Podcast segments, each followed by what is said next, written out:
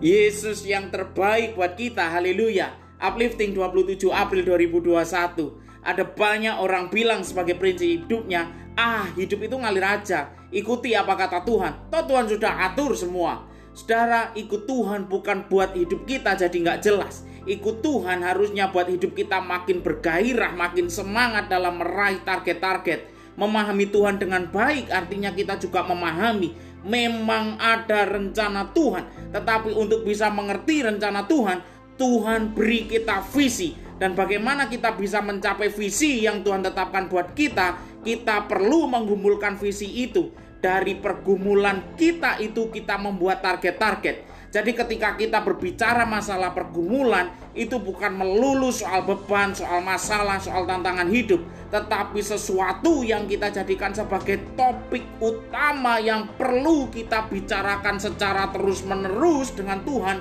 dalam setiap persekutuan kita, dalam setiap doa-doa kita, dalam setiap hubungan yang kita bangun dengan Tuhan. Kita bisa lihat dalam Efesus 2 ayat 10 mengatakan karena kita ini buatan Allah diciptakan di dalam Kristus Yesus untuk melakukan pekerjaan baik yang dipersiapkan Allah sebelumnya.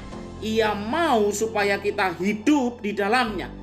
Jadi memang Allah memiliki rencana bagi hidup kita. Dia punya tujuan buat hidup kita. Hidup Kristen bukan hidup gak jelas, tetapi hidup untuk memenuhi tujuan Allah melalui setiap pencapaian-pencapaian yang kita gumulkan bersama dengan Allah.